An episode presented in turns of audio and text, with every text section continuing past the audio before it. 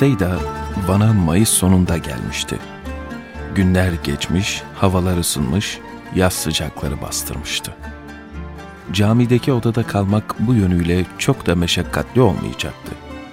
Zaten Ramazan da yaklaşmış, manevi iklimi hissedilmeye başlamıştı.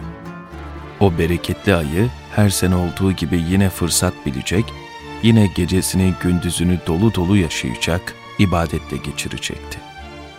Cami bunun için en uygun yerdi. O günden sonra onu görmek isteyenler yönlerini Nurşin Camii'ne çevirdiler. Camideydi. Gözün dünyadan ahirete baktığı yerde. Malayani şeyleri arkada bırakmıştı.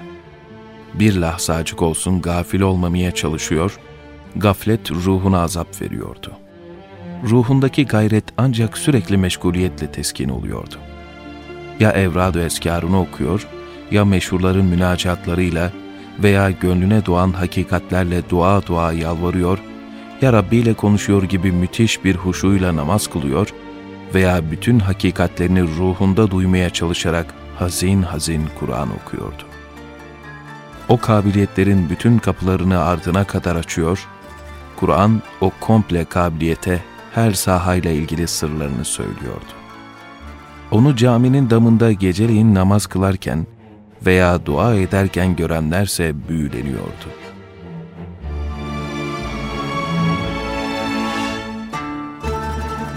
Fahrettin de o mahallenin çocuğuydu. Yedi yaşındaydı. Bir akşam üzeri iftara yarım saat kala evine gidiyordu.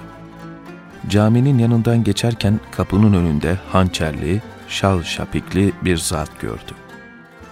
Bir an göz göze geldiler. Adam tebessüm etti. Aziz kardeşim, bugün iftarı yanımda aç dedi. Çocukluğuna bakmadan muhatap alıp onu aziz kardeşim diyerek davet etmesi Fahrettin'in çok hoşuna gitti. Zaten her nedense ilk anda bir bakışta o adama içinin kaynadığını hissetmişti. Ne deseydi acaba?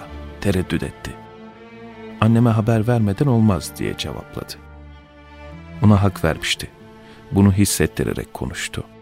Peki, öyleyse git annenden izin al gel.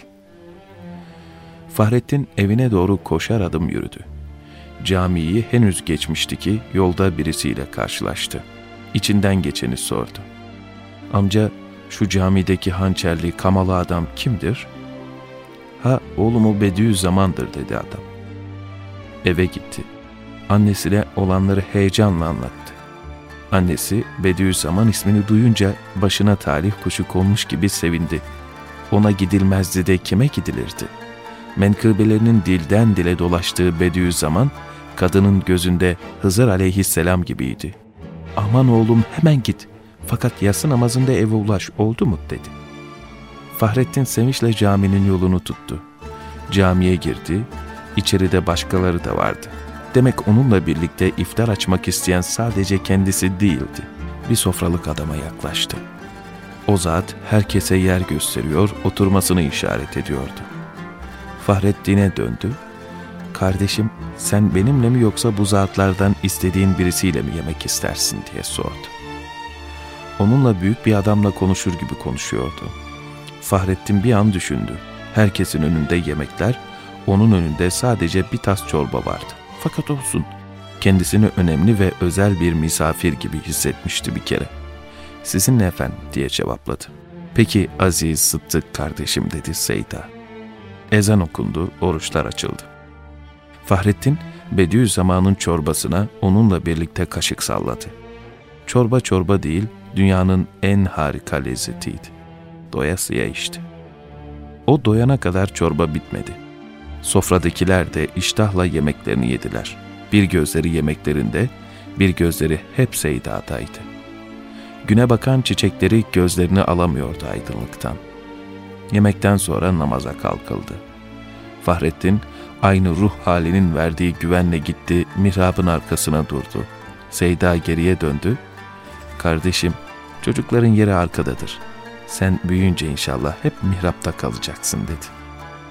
Çocuk yassıya doğru evine dönerken hala Seyda'yı düşünüyor, annesi merakla ve tarifsiz mutluluklarla oğlunu bekliyordu. Küçük oğlu adam olmuştu da mahalle camiine gitmişti. Hem de kutsi bir ağız tarafından davet edilerek. Kim bilir bu neye işaretti. Kapıyı açar açmaz oğlunu yanına çekti. Neler olduğunu duymalıydı. Anlattı Fahrettin. Kadın bir kat daha sarsıldı.